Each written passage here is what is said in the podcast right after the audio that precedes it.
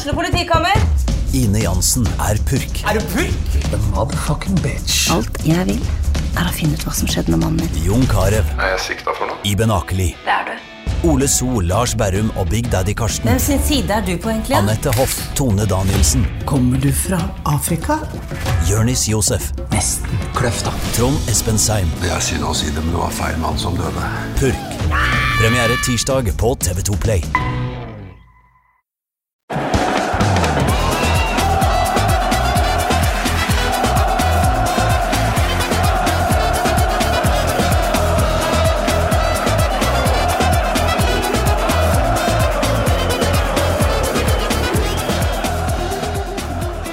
Hei og velkommen til en ny episode av Pyro og Pivo. Mitt navn er Morten Galaasen, og i dag så skal vi innom eh, noe for meg veldig kjent, med en eh, for meg ganske ukjent, for vi har en eh, helt ny gjest i form av deg, Mats Skauge. Velkommen.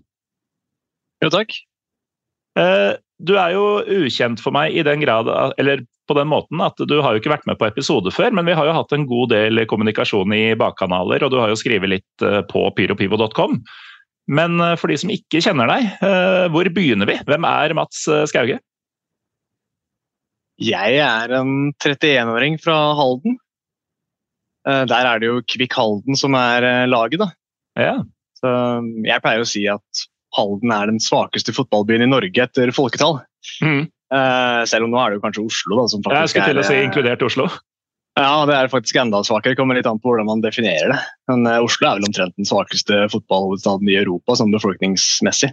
Mm. Men uh, det jeg tenkte på var at etter etableringen av denne hovedserien i Norge, landsserien i, det var vel på 40-tallet, i 48 eller noe sånt, så um, er da Halden den største byen, bortsett fra Arendal, som aldri har hatt et lag på øverste nivå. Ja, Kvikk har aldri vært oppe, det.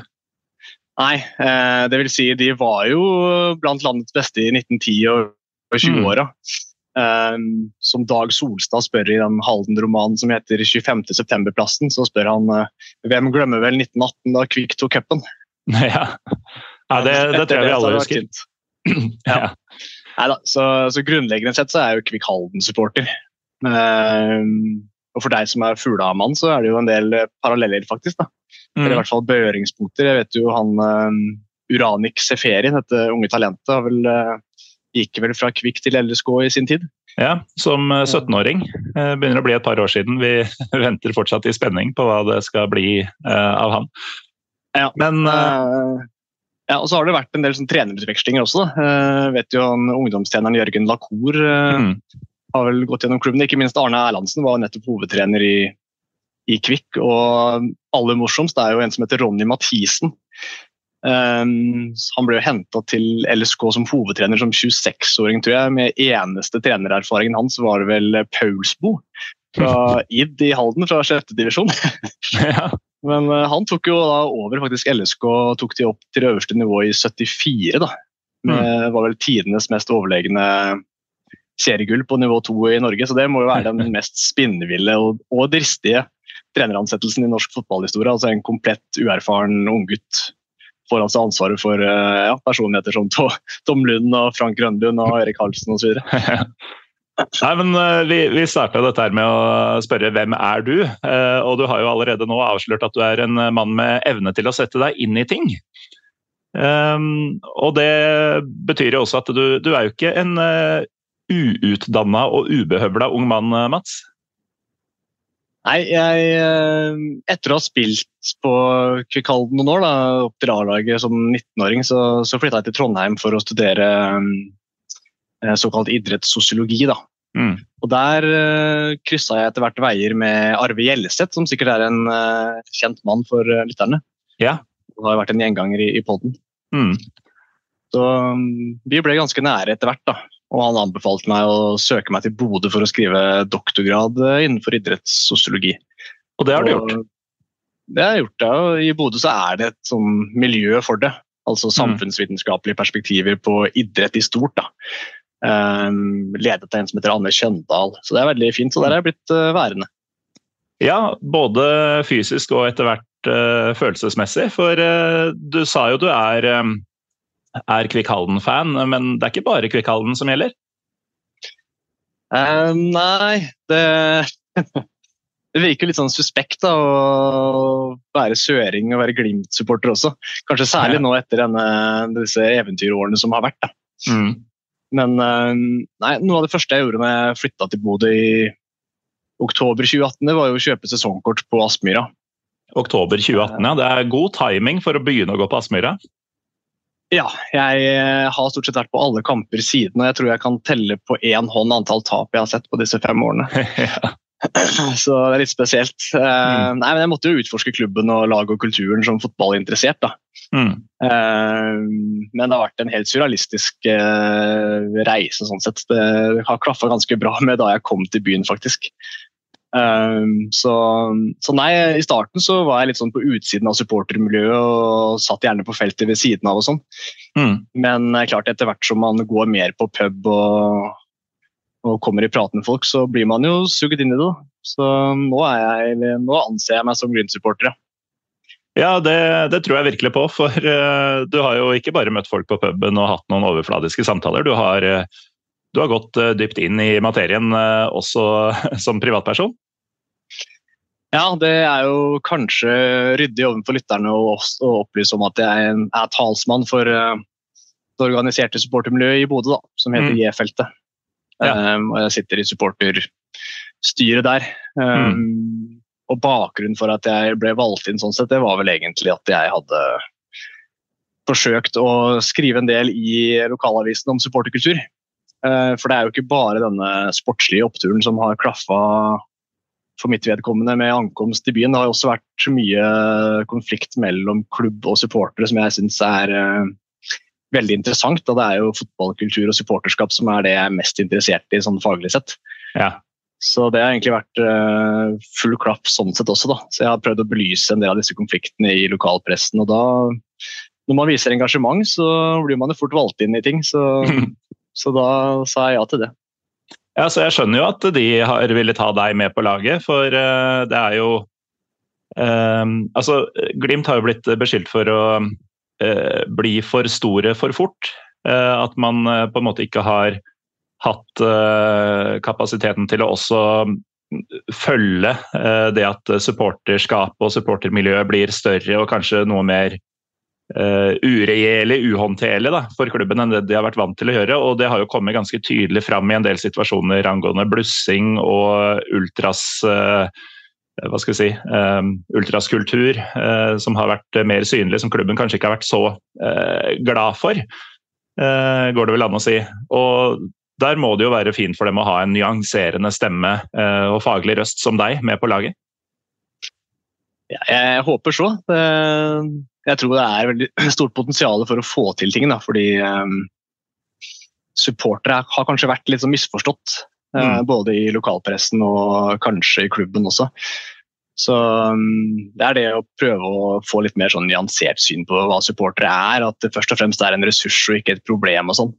Mm. Det tror jeg kan uh, kan være nyttig. Og så er det jo det er klart, det er jo større interesse rundt klubben enn noensinne. Så da burde jo også potensialet for å få til noe bra være større enn noensinne. Da. Det er i hvert fall sånn jeg har tenkt. Ja, og så er det jo sammenfallende med at uh, Glimt-supportere, både de som er aktive på ståfeltet, men også sittefolk, har jo vært Europa rundt og sett uh, andre større, mer etablerte klubber, hvordan de gjør det på sine tribuner, hvor mye støy det kan bli og sånn. Det må jo være inspirerende for både deg og de tusenvis av andre som har vært ute på tur? Ja, Én ting er jo inspirasjon til selve supporterkulturen, men klart en annen ting er jo at det har vært veldig sånn nettverksbyggende for supportermiljøet i Bodø. At det har kommet veldig mange flere til. Mm. Og veldig mange har vært på europatur og sånn, gjerne flere ganger da, de siste årene. og klart Det, det bygger jo kultur, det. Så det, mm. det, har nok vært eh, helt vesentlig i utviklingen. da. Ja, og nå er vi jo egentlig inne på en god sånn bro over til uh, det episoden egentlig skal handle om. For uh, du har jo nylig vært på nettopp en slik uh, tur.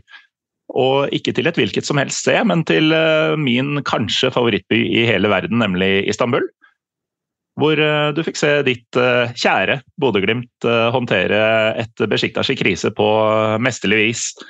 Vi skal jo selvfølgelig gå gjennom denne Istanbul-turen din i ganske god detalj, men Eh, I tillegg til den turen og den borteseieren, så skulle uka bare fortsette med oppturer eh, etter hvert. For eh, da du kom hjem fra Istanbul, så, så var det mer fest.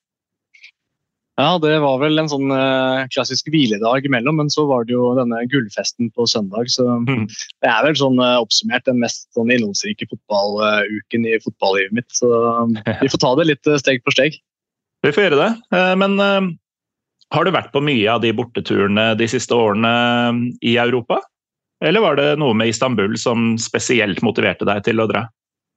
Ja, Både òg. Altså, jeg har vært på noen turer, men ikke i nærheten av på så mange som mange andre. Da. Jeg var eh, begge gangene i Roma. Mm. Og jeg, var, har også vært i Zürich to ganger. De måtte jo spille mm. mot Lugano også i Zürich. Var det Letzegrunn ganger to, da? Ja. Forferdelig eh, stadion?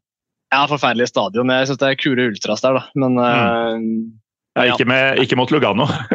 Nei, ikke mot Lugano. Uh, men Zürich uh, syns jeg har en ganske spennende kultur. Mm. Nei, så jeg har vært på noe, da. Uh, men Istanbul er liksom det, Den var på lista mi mm. over steder jeg har lest om og sånn som jeg ville oppleve. da. Ja. Så nei, det var jo den kombinasjonen at det var både en viktig kamp og et interessant sånn, fotballkulturelt sted. Så mm. noen opplevelser og muligheter er det bare for gode til å la passere uprøvd. Ja, ikke sant. Eh, og nå snakker du virkelig mitt uh, språk her. Jeg vet jo at det var en del som dro ned f.eks. på onsdag og hjem igjen på fredag. og uh, Selv om de også har fått den fotballopplevelsen og kampdagsopplevelsen som du gjorde, så er det Jeg føler det er litt sånn bortkasta mulighet, da. Men, uh, men, du greip denne muligheten med nebb og klør, for du var borte i dagevis. vi kan jo gå litt gjennom fra starten her. Du dro allerede på mandag. hvordan kommer man seg fra Bodø til Istanbul på enklest mulig vis på en mandag? Ja, først kan jeg jo si at Grunnen til at jeg ble så lenge, er jo at jeg har muligheten til det også. Mm. Ehm, jeg har jo sånn fast, fast vitenskapelig stilling i akademia, så da er man ganske privilegert. Mm. Jeg kan stort sett bruke arbeidstiden min som jeg vil, eh, og som du skjønner, så blir det en del fotball. Ja. Ehm, liksom du, kan kalle, du kan kalle den turen her eh, faglig påfyll, kan du ikke det? Ja, jeg kan for så vidt det. altså. Mm. Uh, så Det er liksom blanding av business og pleasure. Men jeg kan så lenge jeg på en måte møter på mine egne forelesninger, så kan jeg organisere tiden min ganske fritt. da. Så mm. jeg var veldig heldig sånn sett. Nei, ehm, jeg pakka jo med meg et sånn Glimt-skjerf og satte meg på flyet med denne When We Were Kings-episoden om Besiktas, som jeg anbefaler alle å, å høre. Mm. Og så tok jeg også med meg en bok som jeg var anbefalt fra en britisk antropolog som heter John McManus som har skrevet en bok fra 2018 er det vel, som heter 'Welcome to Hell in mhm. search for the real Turkish football'. Um, og Så snakket jeg litt med deg og fikk noen uh, råd, da. så det var jo også nyttig. Det, det, trenger ikke å være så dyrt. Jeg tror jeg fikk både flyreise og Airbnb-opphold for um, disse fem dagene til 6000 norske. da. Det er jo helt uh, greit. Ja, det, det, var ikke så dumt, det. altså. Mm. Og det er ikke den dyreste byen å oppholde seg i heller, eh, skal man høre. For uh, vi snakker om svak krone, men uh, we got nothing on them, for å si det pent. Ehm, men da håper jeg også at, at du hadde fått med deg sånn områder å bo i. At du ikke havna i det mest turistifiserte, men fortsatt sentralt. Ja, det får jo du bedømme, da. Men altså etter ankomst Istanbul og en altfor rask taxitur, selvfølgelig. Mm. Så kom jeg jo til denne Airbnb-leiligheten som ligger da ganske sentralt ved Galata-tårnet. Ja, perfekt. Så det er et hva skal vi kalle det, sånn senmiddelaldersk 1300-talls steintårnaktig mm. koloss. Ja. Eh, som da ligger, ikke overraskende, i det distriktet som heter Galata. da. Nei. Um, og I dette boområdet så ligger også Det gylne horn, som kanskje noen kjenner til. Mm. Det er, og... altså, for de som ikke kjenner til det, så er jo Istanbul eh, grovt sett delt inn i tre. Eh, du har jo den europeiske og asiatiske siden som deles av eh, Bosporos-stredet. Eh, men den europeiske siden er også delt av Det gylne horn, som er en vannvei som går innover og deler den europeiske siden i det historiske som ligger sør, og det fortsatt ganske, men mindre historiske som ligger nord. Og det var rett der du var, da. Ja. Nå bodde jeg ca. fem minutts gange unna denne Galata-broen. da. Mm. Som nettopp går over til denne inngangsporten til det mer sånn historiske Istanbul med, med den Yenikami-moskeen og, og ikke så langt unna disse Aya Sofia og Den blå moské og sånn også. Så, ellers så lå denne leiligheten sånn ett minutts gange unna denne hovedhandlegata, eller uh, hovedturistgata kan man kanskje kalle det. Denne Istikal Kadesi. Ja, Karl Johan. Som, uh, ja, det, vi kan jo kanskje kalle det Karl Johan, ja. Det, Mhm. Og, og like ved Karl Johan, uh, altså der, jeg, der min leilighet lå, uh, den sidegaten som Det var en sidegate fra Karl Johan, på en måte. Mm. Så ligger jo der Karl Johan på en måte svingte til min uh, avstikkervei, da. Mm. Så lå de store portene til Istanbuls mest kjente skole, eller i hvert fall en av de mest kjente, nemlig hjemmet til Galatasaray. Ja. Eh, nemlig da Galatasaray-gymnaset. Eller Mhm. Den gang så het det vel eh, Galata Sarai i to ord, eller noe sånt. Eh, Ja, det- altså på en måte Galata-området pluss dette Sarai, som bare betyr palass, eller noe sånt. Ja, palass eller slott. Um, og, og dette var jo da en eliteskole. Um, tror den var stifta av franskmenn, faktisk, i utgangspunktet. Um, Uten at jeg er helt sikker på det, men i hvert fall uh, veldig sånn uh, overklasse, snobbete greie. Og Galatasaray-klubben kommer kom jo ut eh, derfra. Ja, så Det er vel denne gymnaskoblingen som får Fener og Besiktas-fans til å på en måte sette en sånn aristokratmerkelapp på Galatasaray. da. Mm. Det er vel litt sånn, eh, det er vel en sannhet med modifikasjoner, men eh, opphavet er jo der. Men klart Ja. supporterdemografien er nok ganske lik de andre to av de tre store. Ja, altså både den type forskjeller og um, geografiske også i stor grad er egentlig viska ut uh, de siste 118 åra ca. siden de første klubbene uh, ble stifta. Ja. Uh, så nå er det helt vanlig at folk i samme familie holder med forskjellige av de tre klubbene også. Altså ikke 100% vanlig, men heller ikke uvanlig. Nei, Nei. Disse skoleportene var jo interessante. Jeg visste faktisk ikke at det var der, eh, men jeg forbandt det med noe annet, nemlig disse eh, terrorhendelsene som har vært. Mm. Eh, Det var vel i 2015 at det var et bombeangrep fra ISIS og noen kurdiske militante grupper der. Ja. Og ikke minst året etter var det vel, så sprengte jo en selvmordsbomber seg i luften like ved en gruppe turister der. Mm. Eh, Så jeg hadde sett det på nyhetene, men jeg kobla ikke faktisk at det var Galtasaray-skolen med en gang. Da. Så det var litt Nei, gøy det- at det var like ved. Det er skikkelig sprøtt når man er ute og reiser og bare plutselig, uten at man har eh, planlagt det, så dukker det opp et eller annet eh, ja, historisk signifikant eller noe du kjenner til sånn helt ut av det blå. Nei, så det var, eh, det var en sånn første observasjon den første, første kvelden der. Ellers så gikk jeg ikke så mye rundt da. Det var mer å komme seg i bingen og få seg litt støvn. Ja, Man kommer ofte ganske seint fram eh, til Istanbul, i hvert fall hvis man ikke starter reisen i Oslo. Um, Det Mm. er jo ganske lange, lange reisedager for oss som ikke bor på det sentrale Østland. ja. Eh, men dette har du valgt sjøl, Mats. Så Ja da, jeg skal ikke klage. Men eh, altså første fulle dagen, da vi kommer til tirsdag, eh, den blir mer innholdsrik. Ja, eh, jeg startet de fleste dagene med litt jobb. da, altså Skriving og litt kaffe, bare for å spare på litt mail og få unna litt ting. Så jeg kan Mm. kalle det en slags arbeidsreise, på en måte. Ja. Men så var det ut og utforske byen, da. Mm. Så ved lunsjtider omtrent så bar det jo da til denne, denne bysantiske katedralen av Sofa. Ja. Um, så Den hadde du på forhånd fortalt meg sånn kortversjonen historisk om, da, men du kan jo kanskje utdype litt eh, der? Ja, altså det er jo um, Den ble bygget på jeg lurer på om det er 400-tallet uh, av bysantinerne, som en katedral, som du sier. Eh, tusen års tid etterpå så kommer jo Mehmet Erobreren eh, i 1453 og tar over byen. Eh, gjør um, Altså, det har vel blitt sagt at uh, han uh, kommer inn i byen på en uh, mandag, uh, og innen torsdag så er Aya Sofia blitt en moské. Uh, noe sånt. Så, så den ble tilbrakt de første ca. 1000 åra som katedral. De neste 500 pluss som moské, og så ble det da etter hvert med Atatürks vestlige reformer på 1900-tallet gjort om til et museum, før da Erdogan igjen har gjort det til en moské for ikke mange år siden. Eh, Så den har jo hatt en reise, og er jo eh, antagelig det mest spektakulære bygget jeg noensinne har vært inne i. Ja, det er eh, spektakulært. Altså det, går vel også rykter om at det er noen vikinginskripsjoner Mm. oppe i andre etasjen der, men det, det fikk ikke jeg tilgang til. da.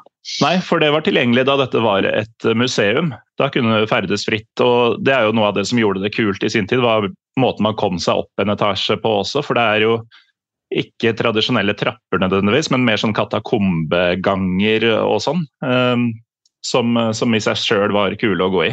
Eh, Og i andre etasjen der, på en av de balkongene, så er det mm, noe sånn som Halvdan var her, eller et eller annet sånn superbanalt rissa inn med runer eh, av en viking som da besøkte Miklagard, som de kalte det, eh, for ja, pluss-minus 1000 år siden.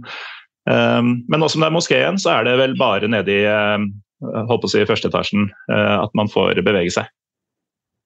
Ja, Det er eh, spektakulært. Mm. Um, altså, tvers over gata der så ligger da Den blå moské også. Mm. Uh, jeg, ikke, jeg brukte ikke like mye tid på Den blå moské, egentlig. Det var litt sånn litt mindre spektakulært, syns jeg, da. Ja, den er, jo, den er jo en fet moské, men uh, sammenligna med Aya Sofia så blir det veldig Det blir jo en nedtur.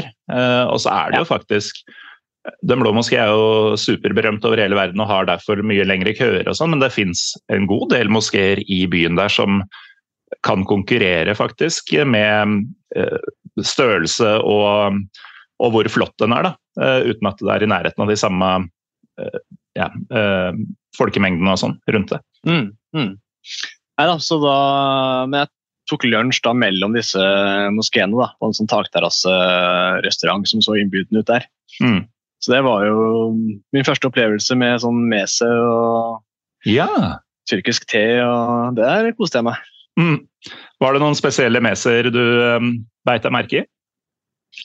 Nei, Nå husker jeg ikke i farten, men uh, det var jo Du starta ikke med jo- hjernesalat? Nei, uh, jeg, jeg tror de som serverte meg, skjønte at dette var første, min første erfaring med det. Så de var Mm. veldig sånn øh, Skulle høre hvordan det var og Ja. hva, jeg, hva jeg visste om det fra før og sånt. da. Så det var veldig sånn gjestfri på den måten. Men øh, Ja. nei, jeg, jeg likte det godt, jeg, uten at jeg hadde noen favoritt. Jeg blir kanskje ute og, dra det litt langt at jeg hadde noen favoritter. da. Um, nei, der satt jeg og da ble jeg vitne til en sånn uh, call and response uh, uh, mellom moskeene. det var jo en Ja. interessant opplevelse.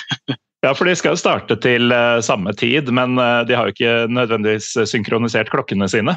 Så hvis Nei. man sitter på en høyde eller er i noen gater mellom moskeer, så kan det bli ganske sånn uh, usynkronisert stereo, for å si det sånn. Ja, det var, uh, var litt spesielt, ja. Mm. Så, nei, sånn generelt så er ikke min interesse for sånn uh, bysantinsk arkitektur og sånn, er sånn, den kan nok tøyles, men det var fint å vandre i disse områdene og liksom kjenne at man er en del av sånn, det er en slags historisk religiøs sus, da, om ikke annet, som man suger inn. Mm. Så nei, det, det er noe spesielt med å være der. Ja, det helt klart. Uh, Og du skulle ta en tur under jorda også, uh, uten at vi da snakker om T-banen? Ja, det, det skulle jeg. Det kan jeg jo takke deg for. da. Det var ganske godt gjemt. eh, Ja. Men eh, det lå jo bare 150 meter unna. Mm. Så etter lunsj så, så gikk jeg da til denne ja, hva skal vi kalle det, romersk-antikke akvadukten eller noe sånt. Ja, noe sånt. Sisternen. Mm. Ja. Uh, Jerebatan Saranici. Ja. Eh, Brukt, Ja, i, det- eh, brukt i en James Bond-film, uh, hvor de har tatt seg en del friheter rundt hvor stor og omfattende den faktisk er. For da driver de og ror i en slags, eller padler i en slags kano uh, i store gjennom store kvartaler gjennom byen. Det er nok ikke mulig i virkeligheten, men uansett ganske rått sted. Ja, du tenker på den From Russia with Love, ikke sant? Mm. Nei, det var ganske rått sted. Jeg, forsto det, jeg prøvde å lese litt på disse informasjonsskiltene. og sånn, og Jeg forsto det slik at romerne bygde mange sånne akvadukter for å frakte vann fra fjerne kilder eh, Mm. til eh, byer og urbane sentre. Og dette var på en måte den største av flere hundre, tror jeg, sånne sisterner fra antikken som ligger under gamle Istanbul bykjerne. Mm. Så. Nei, Det var mye større enn jeg hadde trodd, selv om det selvfølgelig er mindre enn man får inntrykk av i Bond-filmen. Mm. Så var jo du der i november, men eh, jeg kan love deg at hvis man er der eh, i sommermånedene, eh, så er det veldig behagelig å ta seg en tur ned dit. Ja, det, jeg snakket faktisk med billettvakten litt grann om det. Han, han, mente at det var omtrent fire ganger så stor pågang i sommersesongen. Uh, jeg kan ja. tenke meg at det er et populært sted uh, rett og slett fordi at det er behagelig å kjøre seg ned når det er godt over 30 grader ute. Men det er klart, selv nå i november så var det jo over 20 grader. da. Ja. Uh, og jeg gikk i shorts, sånn, så det var jo faktisk, avkjøling var jo faktisk en sånn beveggrunn for at jeg også ville dit. da. Så jeg kan bare tenke meg hvordan det er på sommeren. Ja, ja men uh, det tenkte jeg ikke på engang. Altså, det, høsten hadde ikke kommet lenger på dette tidspunktet, nei? Nei, jeg har jo ganske lys hud også, så jeg måtte jo til og med bruke solkrem. og... Mm. Nei, det var sånn at man ble svett av å bevege seg ute, ja. ja. Nei, det, det er en, en, by man blir eh, svett i, nesten uansett eh, når på året det er. For det er jo det er ja, ikke det, få folk som er, eh, er, i bevegelse. Og få lyder og få inntrykk. Det, det er trøkk hele tida. Ja, det er et kok, altså, men det er jo det mest fascinerende òg, da. Det er, mm. det er dette koket. Uh, nei, man blir svett av å bevege seg rundt. Det merket jeg når jeg gikk videre da, fra denne, denne undergrunnssaken til, uh, for å få litt mat. og Da gikk jeg jo bort til uh, Taksim. Og det var jo kanskje det beste mattipset du ga meg. Da. Det var denne yes. kebaben på Drumsade. Ja, Åh, den er så nydelig. Ja, da bestilte jeg denne dobbel Adana som uh, du hadde anbefalt meg. Og det, altså Ved første øyekast så ser det ut som en sånn relativt sliten gatesjappe med noen mm. få stusslige bordplasser og sånn trangt kjøkken med et par ansatte, bare. Men du verden, det var definitivt den beste og billigste kebaben jeg noensinne har spist. hvert fall. Ja, det er helt uh, fantastisk. og Det er som du sier, det er, det er en hjørnesjappe, ganske lite gatekjøkken. Um, men de har jo da åpen flamme, åpen grill. Det har jo egentlig alle steder med respekt for seg sjøl i, i, Tyrkia. Men um, de da, de baker brødene selv. Um, så når du en, bestiller en rull, så er jo det uh, helt ferskt og, uh, og fint. Og så griller du jo da disse adana. Det er jo en slags eh, shish kebab, det er jo eh, kjøttdeig på spyd. Eh, griller det over åpen flamme, gjør det samme med noen av grønnsakene og prikken over i-en. De tar um, dette rullebrødet og klemmer på uh, både kjøtt og annet, så det får liksom safter og kryddere inn i selve brødet. Fyller det med fersk salat og i de tilfelle to ruller. Eller to, to spyd, mener jeg, med kjøtt. Og himmelen nærmer seg ganske kjapt da. Ja, det, det, er korrekt. Jeg mm. ga den anbefalingen videre til andre Glimt-folk også. da. Bra. Og de hadde samme opplevelse som meg, så det, mm. det var en sikker vinner. virkelig. Altså, så takk for den, Morten. Jo, Nydelig. Og så er det jo eh, midt i uh, utelivsområdet også, så det er, uh, du kan på en måte veksle mellom trekking og eting gjennom hele kvelden. Ja, det, det, passer jo bra. og Apropos det, altså, apropos Taksim og Karl Johan og sånn, så eh, videre utover kvelden der, så da var min observasjon at disse, disse stedene, da, eh, denne handlegata Karl Johan og Taksim torget kanskje særlig, mm. var eh, slags sånne kronjuveler i dette tyrkiske nasjonalistiske prosjektet og selvfremstillingen. Ja. Det var veldig tydelig at i alle store og mellomstore gater så var det vimpler og postere og ja, mm. Av særlig to ting. Da. Det var det tyrkiske flagget og det var diverse presidenter. Ja, og det, det, er jo interessant, eh, fordi jeg har jo kommet altså Første gang jeg var i Istanbul, var tidlig i 2009. Um, ehm, og da la jeg jo merke til med en gang at det var flagg overalt, og at det var um, plakater og portretter av Atatürk uh, overalt.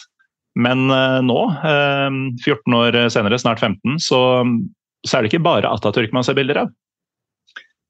Nei, det var mye Erdogan, må jeg si. Mm. Jeg var litt usikker på om dette var representativt for Istanbul. for Det hadde jo åpenbart med denne 100-årsmarkeringen å gjøre. Mm. Så min umiddelbare tanke var at dette nok var ganske spesielt for dette året. For det var liksom så ekstremt slående da, i hele bybildet. Altså, alle ja. byens utsiktspunkt var tapetsert med sånne nasjonalistiske symboler. og mm. Det var til og med informasjonsfilmer eh, på Taksimtorget, nesten litt sånn propagandaaktige ja. i formen. ja, så, så, Det kan godt være mer nå, ettersom eh, altså, republikken Tyrkia fyller 100 nå i 2023. Men det er alltid uh, påfallende mye av uh, både flagg og presidenter um, overalt i, i byen. Men uh, det er nok på speed, ja. Eh, akkurat i år. Ja. Altså, det var i hvert fall tydelig at dette nasjonalflagget er et veldig viktig symbol for mange tyrkere.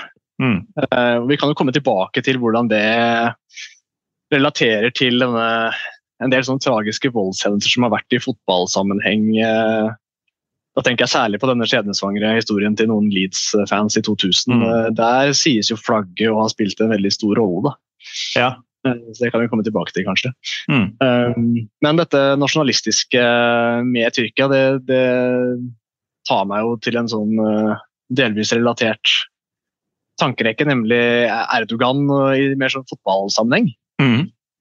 Um, det er det jo faktisk skrevet en del om, da. Um, som jeg syns er ganske interessant. Det er jo bare sånne myter som man aldri får bekrefta eller avkrefta på noen som helst måte. Men um, han har jo en veldig sånn omdiskutert fotballkarriere. da. Ja. Uh, og det sies jo at det er en del av hans mytologisering, på en måte, som mange mener at det inngår i et sånt narrativ om en sånn maskulin, uh, helteaktig farsfigur. Mm. Um, så, men det vi vet, er vel at han spilte semiproft i Kasim Pasa. Mm. Like ved der du bodde, for øvrig. Ja, det er det, ja. ja. Mm. Uh, og det stadion bærer vel navnet hans i dag også. Stemmer. Uh, ja.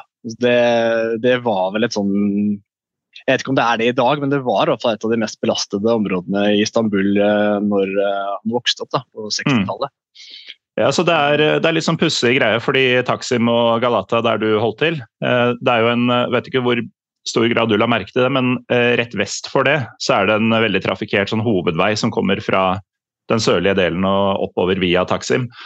Um, og på andre sida av den og det tar altså fra Durumsade, da, der du spiste denne fantastiske kebaben, å gå over, eller under, en undergang til den andre siden av den veien, det tar kanskje fem minutter. Og det er en helt annen verden. Der er det altså nedslitt, og det er konservative innbyggere eh, i stedet for tusenvis av cocktailbarer og sånn. Ja.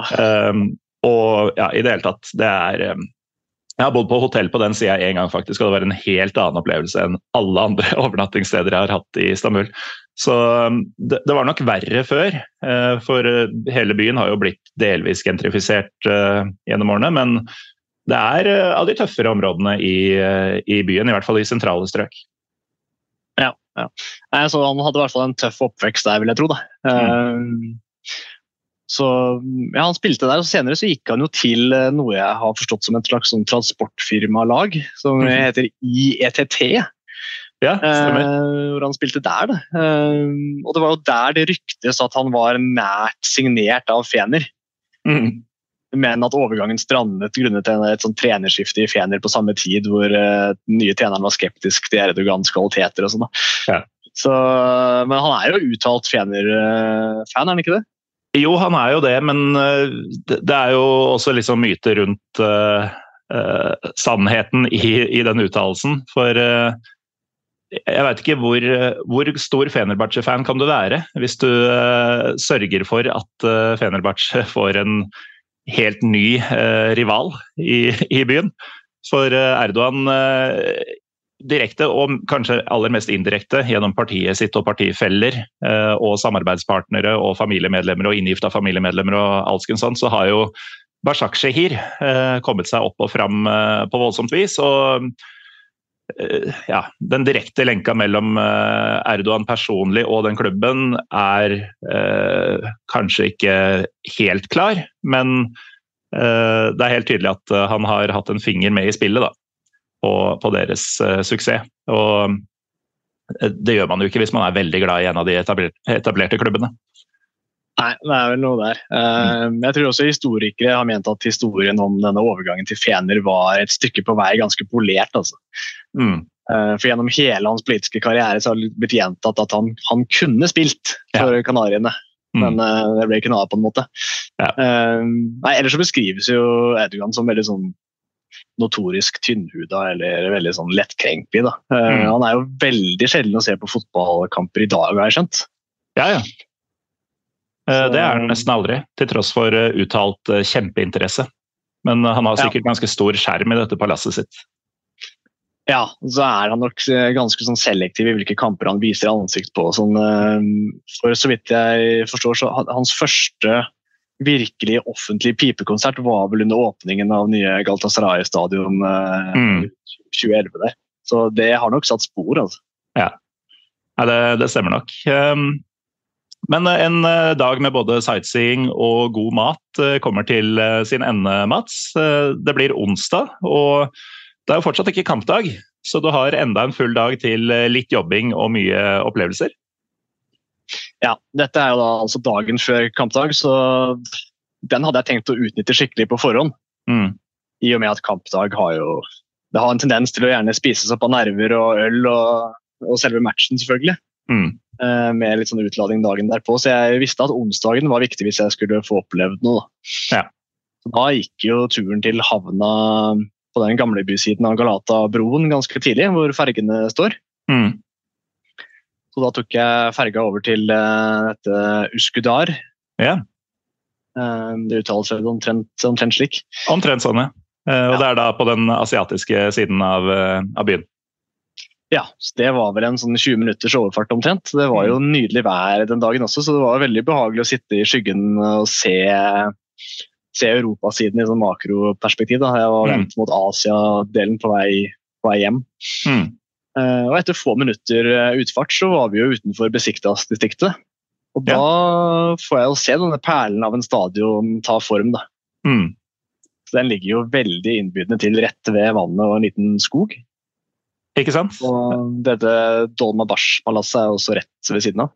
Ja, Der Atatürk døde i 1938. Ja, nettopp. Mm.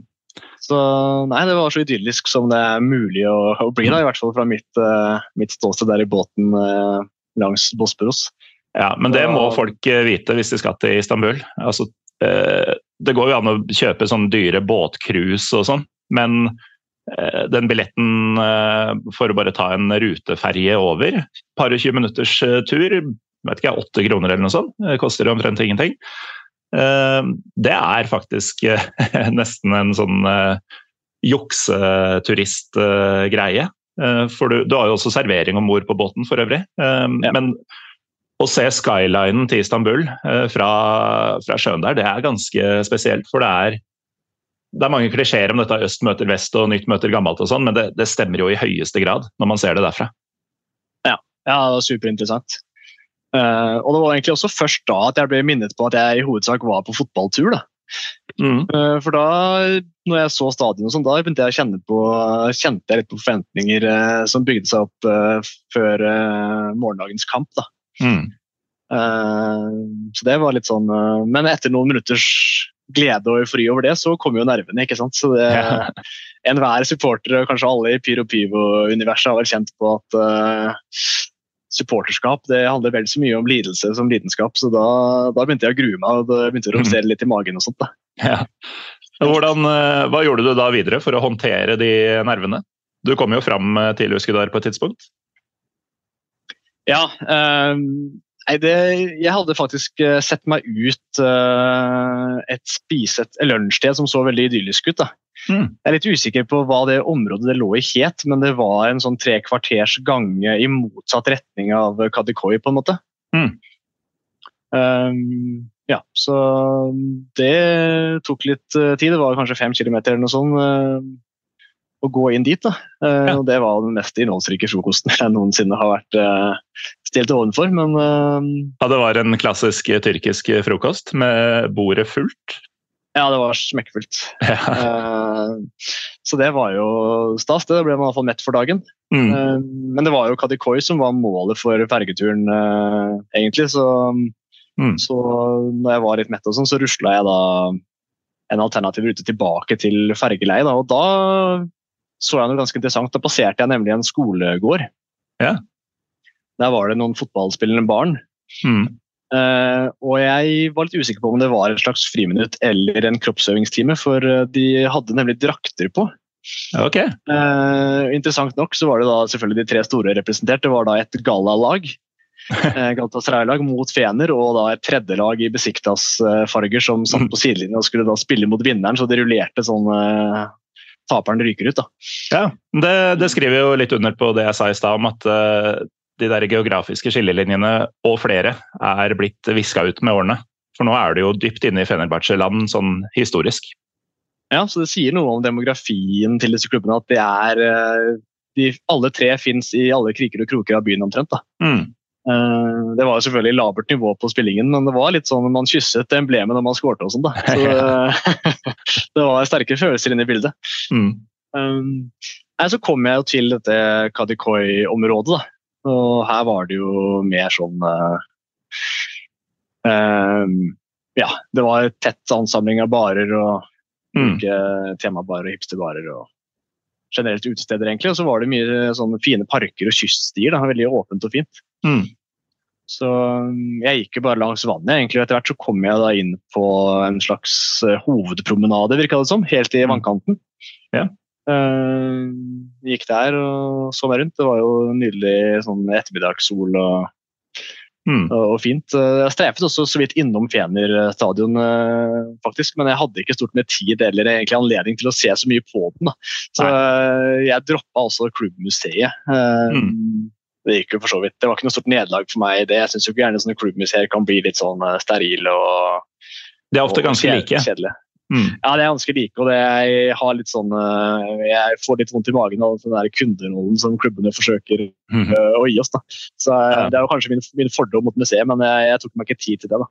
Nei, men kundedelen er helt korrekt i dette tilfellet. fordi For å komme inn i museet, så må du gå inn via klubbsjappa Fenerium.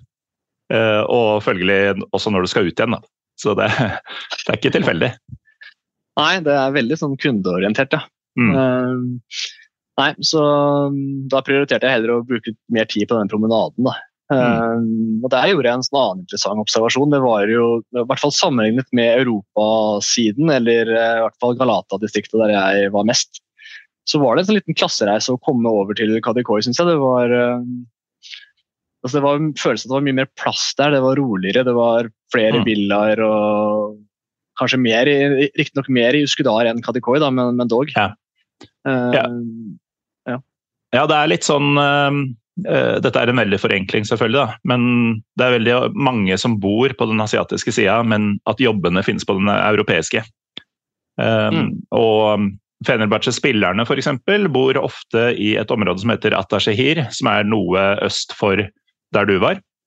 Eh, Og der er det gated communities og eh, fancy, moderne høyblokker og, og sånn.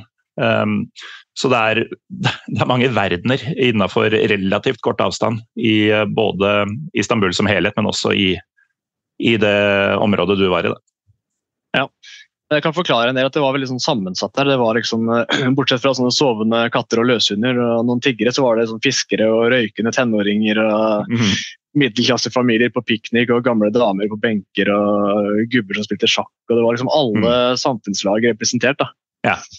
Uh, Så det var mer sånn miksa der enn i Galata, i hvert fall. Mm. Så ja. Nei, um, så det var jo egentlig kort og greit det gjorde i Kadikoi. Altså, jeg brukte mye tid, eh, jeg slo meg litt ned på denne promenaden selv. Ja. Eh, så Det hadde jo sin pris. Da, da fikk jeg jo ikke f.eks. Uh, prøvd ut ditt middagstips. Det, hva heter det, Sia Sofrasi eller noe sånt? Ja, Chia. Ja, Chia. Mm. Eh, jeg var uansett for mett fra denne store lunsjen til å teste det ut, men jeg, jeg var faktisk innom og bare så. da. Ja, men det får bli neste gang. Ja, det får bli neste gang, ja. Så, men derimot så bestilte jeg bord på et annet restauranttips du kom med, en sånn tyrkisk grill i Taksim. Litt Ja. senere på kvelden. da. Mm. Ja, eh, men i mellomtida, hva skjedde da? Nei, I mellomtiden da var det jo tilbake igjen til eh, Galata Mm. med, med fergen. Eh, da begynte jeg å bli litt sånn mør òg. men så bestemte vi oss, det si jeg reiste med et kvinnelig reisefølge her, Mm. som skulle ha sitt eh, inn i potten. Så da var det jo eh, å komme seg videre med banen til dette streif- streifområdet Balat. Ja. Langs denne, det er vel vestbredden da, av Det, det gylne horn. Ja, det, det blir vel noe sånt. eh, også et spesielt område. Ja, det, det var det. Altså, det, er, det var jo veldig greit å komme seg dit. Eh, Man får kjøpt sånn bykort for offentlig transport. Det koster vel Én enkeltbillett koster noen 15 lira eller noe sånt. Det er jo 6-7 Mm. norske kroner, det er jo ingenting. Ja. Um, nei, det var veldig spesielt område. Fint sånn vandre, vandreområde. Det var uh, veldig fargerikt. altså det var Mm. Hvert hus har sin egen sånn heldekkende farge. Ja. Uh, ellers så krydder det jo av sånne småbutikker og kafeer. Mm. Uh, et annet kjent tegn var at det opplevdes veldig sånn konservativt i fremtoningen. I hvert fall i, i minst to, to betydninger. Altså det var både disse gamle husene som virka som var freda, nærmest. Ja. Uh, var ikke noe nybygg i hele tatt. Uh, og så var det jo at det var Jeg så en langt høyere andel sånne heldekte kvinner uh, enn i andre bydeler jeg frekventerte. da. Ja, men det, Dette Eh. stemmer nok. Det er også et, eh, altså det er langt mellom barene i Balat sammenligna med andre steder av byen du var i. da. Ja, eller det vil si, Jeg så ingen heldekte i sånn burka-forstand, men i nikab-forstand var det jo en del. Mm. Eh, nei, da, så Bare vandret litt rundt der på kafeer og sånt, så um, uten egentlig å foreta stort. Det var bare sånn å, å, å kikke litt. Kikke. Mm. Men da, mens vi gjorde det, så begynte det å tikke inn tekstmeldinger fra sånne øltørste nordlendinger som da begynte å ankomme byen. da, I anledning denne nært forestående kampen. Så Mm. da, da skulle jeg da møte denne frontfiguren i podkasten Den 69. mann, Frank Amundsen. Ja. Eh, kjent som Frank Baris blant eh, Glimt-folk. Eh, ja, og nå etter den samme turen, eh, kjent for meg i hvert fall, som eh, Frank som ikke ser på maten før han bestiller kebab. For han la ut han la ut et bilde av en, det han mente var en veldig skuffende døner. Hadde kommet helt til Tyrkia for å spise kebab, og så fikk han bare dritt. Og det er altså ut fra det bildet, det er den minst appetittvekkende kebaben jeg noensinne har sett. Jeg skjønner ikke hvor han fant den. Nei, jeg har for så vidt ikke sett bildet, men uh, da kanskje jeg glemte å nevne for Frank denne kebaben jeg hadde spist. da. Det var jo Mm. synd for han. ja, og det er jo uh, Dere skulle ikke være langt unna den uh, Durum Sadersjappa verken seinere i kveld eller uh, på torsdagen. Nei, Men, uh, meld-. Meldingene tikker inn. Du, du møter eh, Frank. Ja da, Vi drar på en sånn helt kurant eh, tyrkisk grill som du hadde anbefalt. og Det var jo fint der, og vi hadde også med oss noen andre. Mm. Eh, spiste der eh, kjapt og gærlig, og så var det jo da å dra rett på denne James Joyce eh, Irish pub, som Mm. var Glimt-puben denne uka. da. Ja. Um, så der var, det allerede ganske bra med folk. Det var vel omtrent 150 bodøværinger allerede da den onsdag kveld som testa ølen. Og, og så så Bayern Galatasaray på TV. da. Ja. Og James Joyce ligger jo um, i bånn av en gate som uh, heter Nevisade, som er full av uh, spesielt mesesteder, uh, men også barer. Og mesestedene er jo også fulle av folk som drikker, og mange av dem har skjermer og sånn, så jeg vil tro det var ganske bra liv i, i området. Ja, veldig. Altså, det mest interessante den kvelden der var faktisk det at uh, det var det som foregikk tvers over for oss. Uh, for der var det en, en sånn Det så ut som et standsted for uh, gallafolk.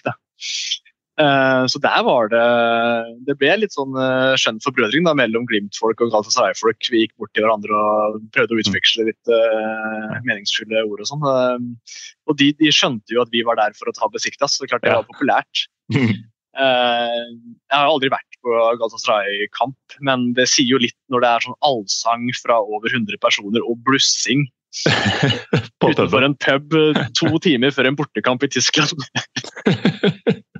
Så det var trøkk, ja. Ja, det, det er jo en ganske bra forsmak på, på det dere hadde i vente neste dag, vil jeg tro. Eh, Det er, de kødder ikke rundt med, med varmblodigheten, tyrkiske fotballfans. Eller tyrkere generelt. Nei, eh, er det, er det Runar Nordvik i Haugesund eller Runar Skrøvseth i Dritte Halbseit som har definert en fotballby som en by hvor man umiddelbart på kampdag eh, ved å vandre i bysentrum merker at det er kamp? Ja, det er Skrøvseth. Skrøvseth, ja. ja. Mm. Den har jeg testa noen ganger selv, da, også i Mm. Norge, men uh, Istanbul innfrir jo absolutt der. altså Det må jeg si. Ja, det er, det er fotballby. Uh, Men den, altså jeg er jo uh, ikke objektiv for fem øre, men Istanbul er jo en absolutt alt-by. Med fotball som en av kategoriene som det dekker. Er det noe mer fra utover onsdagskvelden før vi går videre til kampdagen? Er ikke noe som er spennende for lytterne, tror jeg. Det var bare å ta noen Guinness og så komme seg hjem med litt sånn uh, fornyet tro på at uh, Jeg fikk litt sånn tro på at Glimt kunne ta besiktas da jeg snakka med Galatasaray-folka. Mm. Uh, for de fortalte litt om ståa i klubben, og det er jo Ja, den er ikke bra. Nei. Nei, så da var jeg litt mer sånn positiv. Da. Så jeg la meg med en veldig sånn optimistisk tone. Mm. Men uh, apropos, du sa du drakk noen Guinness, men jeg håper du rakk å prøve både EFS og Bomonti i løpet av oppholdet? Ja det, det Ikke den onsdagen, faktisk, men det, torsdag var det tid for det, ja. Mm. Så Det fikk jeg også beskjed om da, av de som hadde vært her litt lenger, at det kunne ikke bare holdt seg til Guinness her. Nei, Nei det går ikke. Men uh, du våkner jo litt før uh, det er på tide å ta den første pilsen, kanskje? Uh, ja. ja fra, fra, Østfold og greier. Vet du, da, da tar man, tar man det litt rolig på formiddagen. Ja, jeg gjør kanskje det. Altså, jeg pleier å si at kampdag forløper seg ganske likt for supportere og spillere. egentlig. Altså, man våkner etter litt sånn dårlig søvn, forsøker å ligge i senga en time ekstra da man liksom vet at det er ikke noe man vil angre på etterpå. Mm. Og egentlig utfordringen med dagen består i å få timene til å gå frem til sånn tidlig ettermiddag. Mm. Eh, hvor liksom mobiliseringen starter. da. Så så det gjelder å ikke brenne batteriene for tidlig. på En måte. En kampdag, eh, kampdag, skal jo ikke ha for mye program, men fravær av program er jo heller ikke bra. Nei, nettopp. Og da er man bare nervøs. Og Du valgte ut én eh, aktivitet eh, før du skulle på puben, som høres ut som riktig mengde. Men det, det, er ikke en aktivitet som nødvendigvis gir så mye energi, det du skulle gjøre? Nei, det kan være. Jeg, jeg valgte da å komme meg til denne Grand Bazaar, mm. eh, som heter Kapali Chachu på, på tyrkisk. I, ja, det ligger ved gamlebyen. Ja, stemmer. Og eh, Kapali ja. Chachu betyr eh, rett og slett eh, lukka marked. Ja. Og det, det, ja, det tyrkiske ordet for marked eller basar er vel chachu. Ja. Og det mm. kan vi jo komme tilbake til at det er ikke tilfeldig at Besiktas-ultrasen bærer det, det navnet. Det er korrekt. Nei, Men, eh, her slitsomt var det ja, slitsomt. Det var vanvittig mye folk, og det var mm. vanvittig mye salg av ting som uh, vanskelig kan beskrives som noe annet enn ræl, rett og slett. Ja. Eh, men for mitt formål så var det jo egentlig perfekt, for jeg ville bare sitte på en kafé og komme meg gjennom denne Welcome to Hell-boken uh, som jeg fortsatt hadde en del sider igjen i, da, som jeg ville gjennom mm. før kampen. Ja. Så det er ikke stort mer å si om det, bortsett fra at den boken anbefales, og gjerne til, uh, til tyrkisk te. Ja, ikke sant. Eh, men nå er det endelig tid for pub, og kampdagen begynner på ordentlig. Eh, og da er det tilbake til Istanbuls svar på, på The Scotsman, nemlig James Joyce i, i enden av Nevisade. Eh, mye folk. Ja, jeg ankom jo puben sånn rundt tre lokaltid. Og da hadde mange åpenbart vært der noen timer allerede. da. Eh, stemningen tatt i betraktning. Så det var en del folk der, og det ble jo kjapt veldig mange flere. Mm. Eh, og så var det også en del sånn bevæpna politi som vaka utenfor. da. Så um, det var en veldig stor pub, dvs. Si veldig mange etasjer. Ja. Det er klart Folk samler seg rundt uh, tappekranene, så det var liksom uh, mm. Første etasje og øverste etasje, som sikkert var sjuende eller åttende etasje, der var det sånn takterrasse hvor mange forsøkte å liksom synge over til Galatasaray-puben, men det var ikke mye, like mye liv der den kvelden. Nei, ikke sant. Nei, var det, så, var det seint på kvelden det var kamp, eller? Ja, kampen var jo 2045 eh, lokaltid. Ja, så det var 1845 her, det, da. Ja, mm. så vi, vi svetta og drakk og sang. Da, da går jo tiden som kjent fort. Den gjør det. Uh, og Jeg er jo litt sånn opptatt av å ikke drikke for mye også, da, på, før kamp. og Det er jo alltid litt sånn uenighet om hva supporterkodene mm. er, og sånn, og ikke minst hva de, hva de burde være. Ja. Men, eh, men, puben som en del av kampdagsritualet er veldig interessant. For uh, supporterkulturen i Norge er jo veldig sånn anglofil akkurat når det gjelder pub. da. Uh, altså I den forstand at man skal være litt sånn utpreget maskulin og man skal tåle sin øl. på en måte. Mm. Uh, jeg har ikke noe imot det, jeg, men jeg mener samtidig at man ikke bør drikke mer enn at man er i stand til å støtte laget på best mulig måte senere på tribunen. Ja. Så vi skal jo prestere, vi òg, på en måte. Mm. Så, så, for din del så handler kontrollert inntak om å treffe middelveien, på en måte, mellom å eh, kose seg og komme litt i humør, men ikke at det skal gå utover prestasjonen. For eh, jeg har jo hatt en annen eh, fyr med doktorgrad innom her, doktor Eirik Anfinsen. Og han og jeg har samme problem når vi drar på unionkamp sammen i Berlin. Det er at vi, vi drikker jo for, for kosens skyld, holdt jeg på å si. Ehm, pleier ikke å bli overstadig før kamp, i hvert fall, men uh, rause med inntaket. Men uh, det går utover blærekapasiteten for oss som har blitt såpass gamle som vi har. Så og da, I Berlin så er det jo også rein ståtribune, så det er jo litt sånn styrete å komme seg ut og inn fra toalettet hele tida. Um, så i den grad jeg skulle um, fått et strengere forhold da, til mitt inntak før kamp, så er det rett og slett uh, hyppighet på dobesøk som er hoved, uh, hovedfaktoren.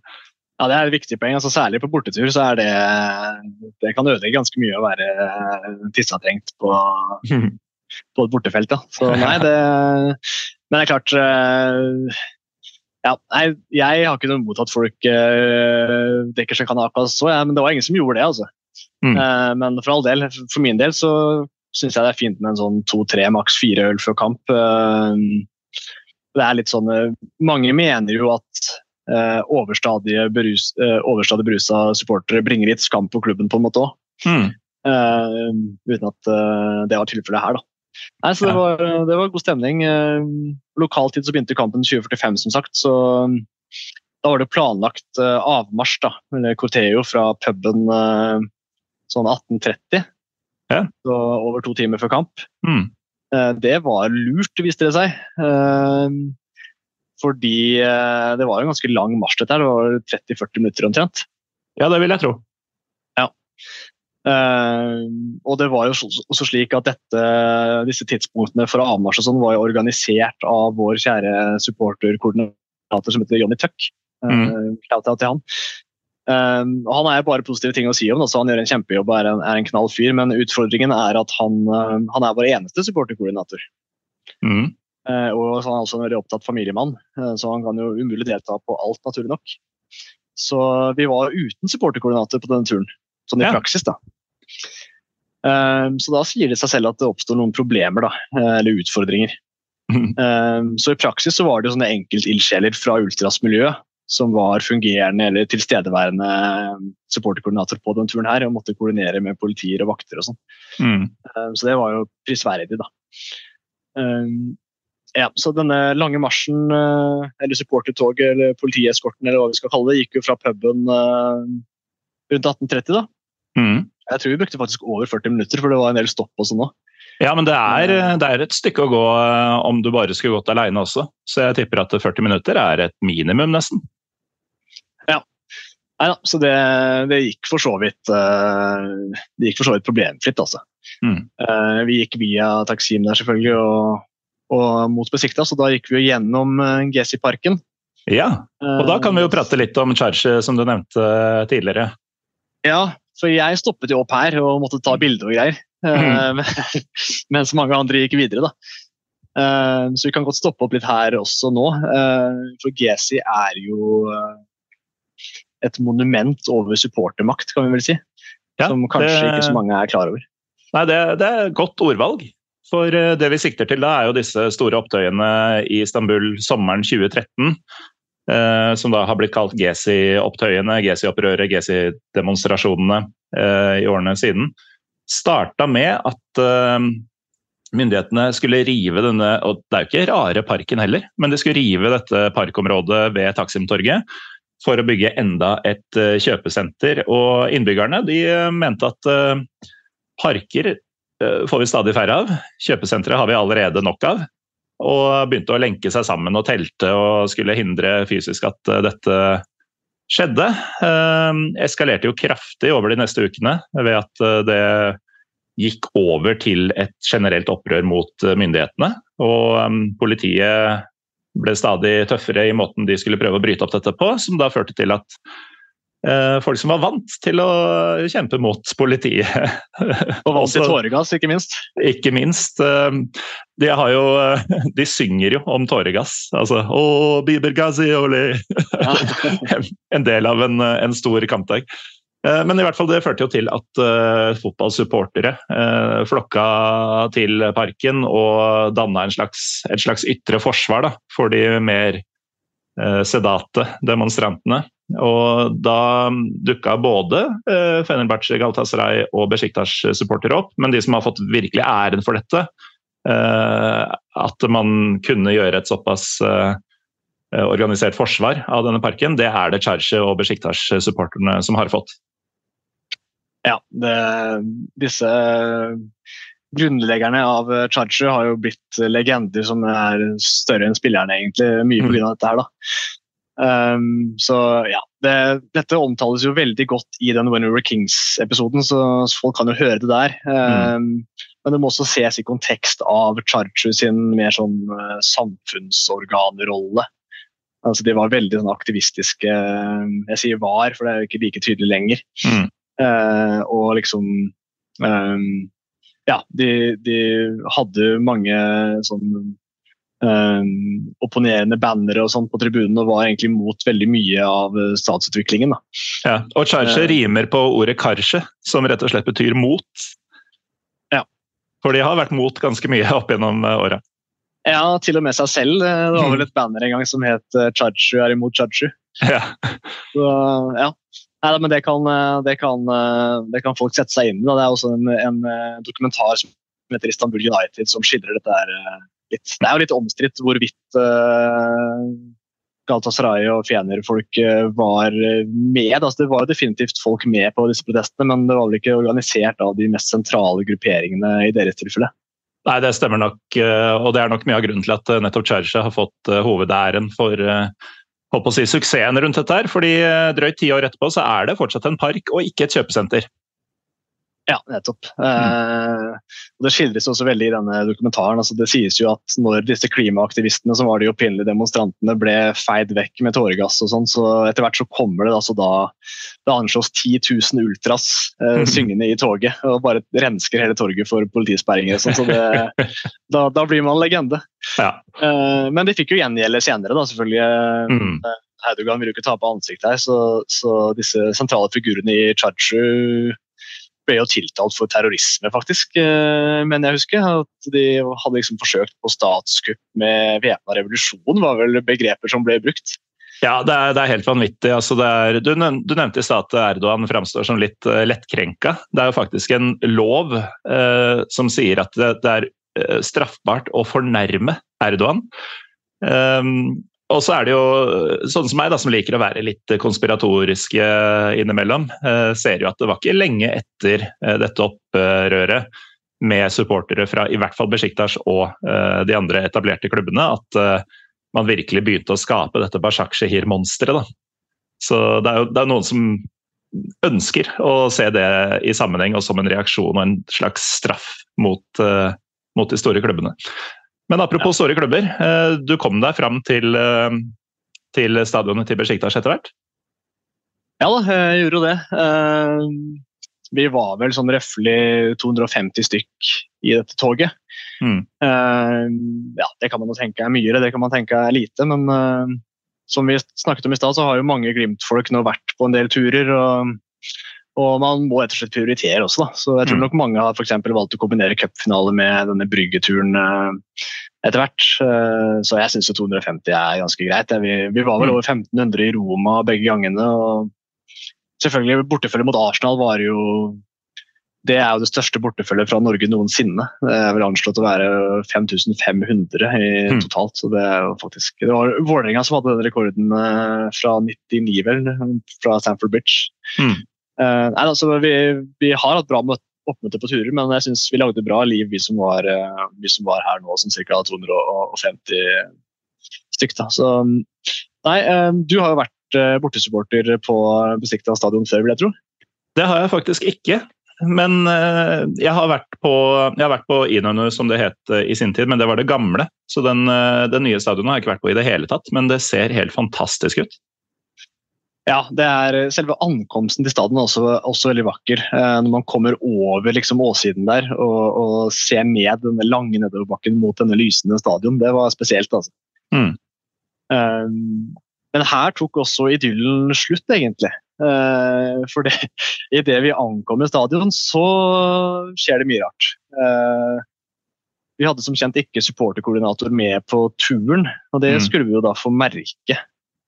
Eh, et sånt første problem var at alle hadde jo elektronisk billett. Men Ja. disse billettskannerne de var så dårlige at det tok minst eh, ja, det tok opp mot fem minutter per pers. ikke sant? Oh. Så da ble mange sure og sånt, da, Mm. naturligvis. Og så var det jo ingen hjelp å få fra disse vaktene på innsiden heller. som De kunne ikke kommunisere noe som helst meningsfullt med oss. da. Mm. Så jeg tror det tok godt over en time altså, før alle disse 250 var på innsiden av portene. Det var bra man gikk så tidlig fra puben. da. Ja, det var det det viste seg. Eh, og i mangel på supporterkoordinator så prøvde man da å ringe ansatte i klubben og folk i klubbstyret for å få noen til å komme og bistå dette kaoset. Mm. Eh, jeg skal synes at Vi hadde med en veldig omgjengelig sånn akkreditert sikkerhetssjef. da. Men han fikk jo absurd nok ikke lov til å gå ut og inn av portene for å, for å bistå folk. Nei. Jeg trodde nettopp det var poenget med akkreditering, men eh, nei, den gang Nei.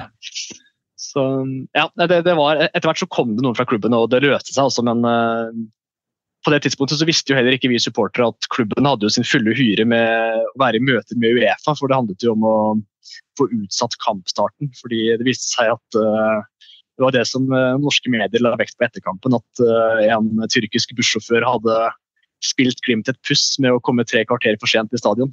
Mm.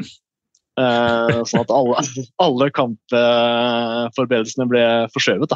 Ja. Så jeg tror det var mye, mye rart der, men det er jo den kynismen man uh, har lært seg etter hvert å møte. den. Mm. Uh, nei, så Det var mye konflikt ved inngangen, og særlig gjaldt det våre ultras. da. Jeg har snakket litt med og sånn, de sier at vaktene hadde fått med seg at de hadde hengt opp et Eller noen i Ultras Bodø hadde hengt opp et kurdisk flagg på Aspmyra i eh, det forrige møtet. Hjemmekampene. Ja. og disse vaktene hadde tydeligvis identifisert disse bakmennene.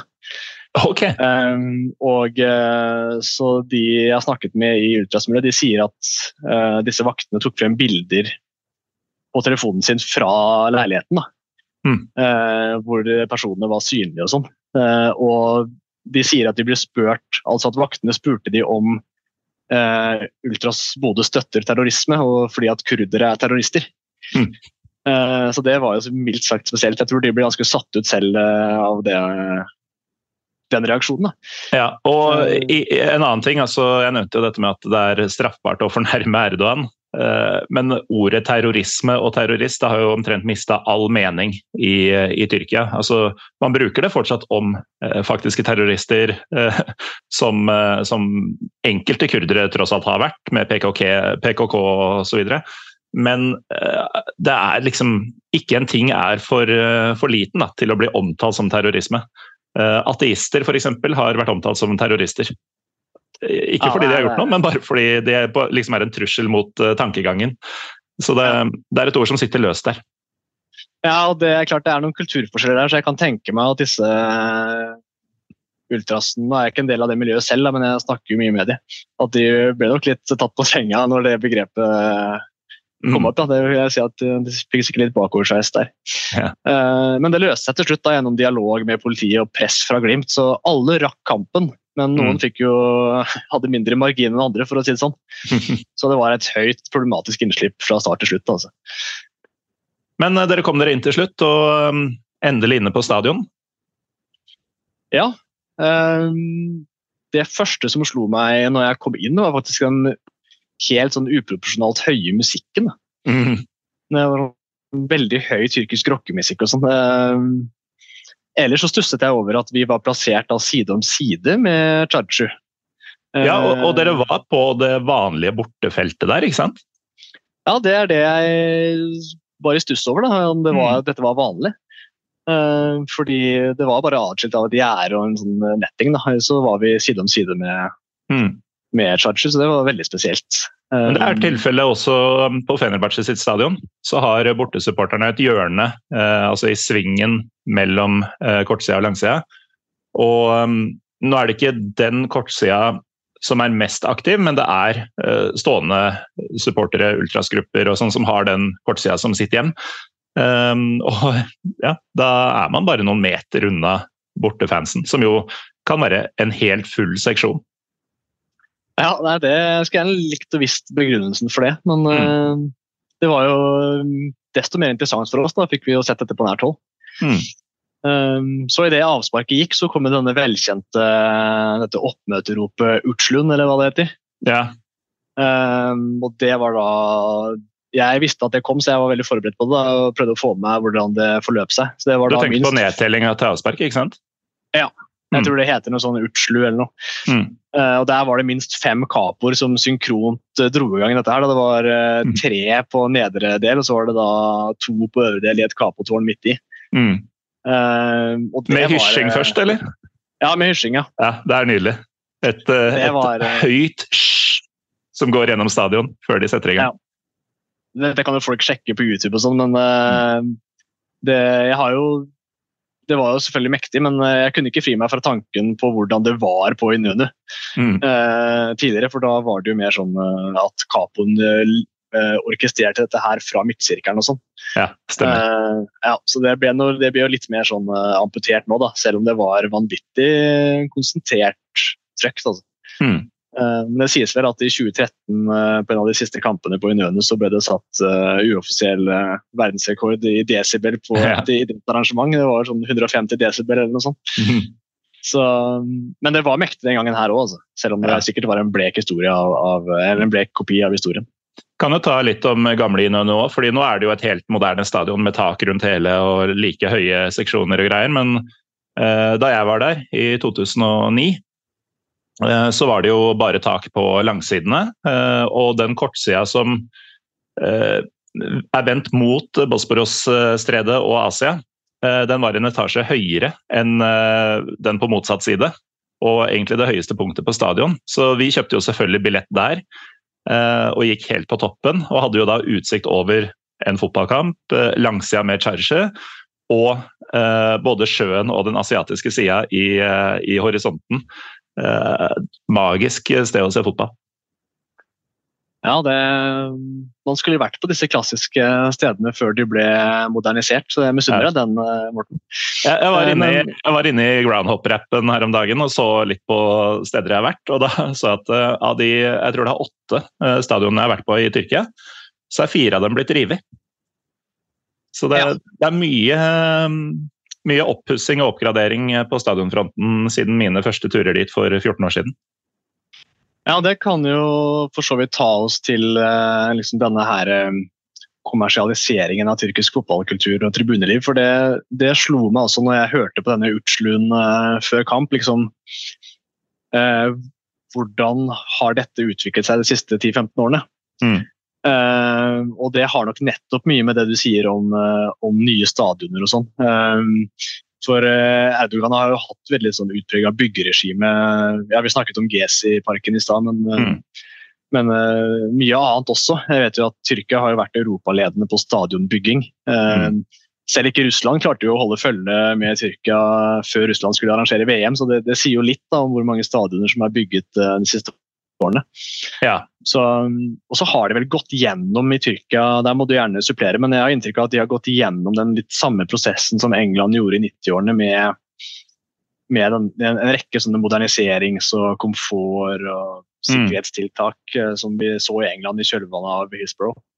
ja det, det stemmer ganske bra. Eh, nå har det ikke på en måte kvært lidenskapen på samme måte som England gjorde, med eh, rene sittestadioner og, og sånn.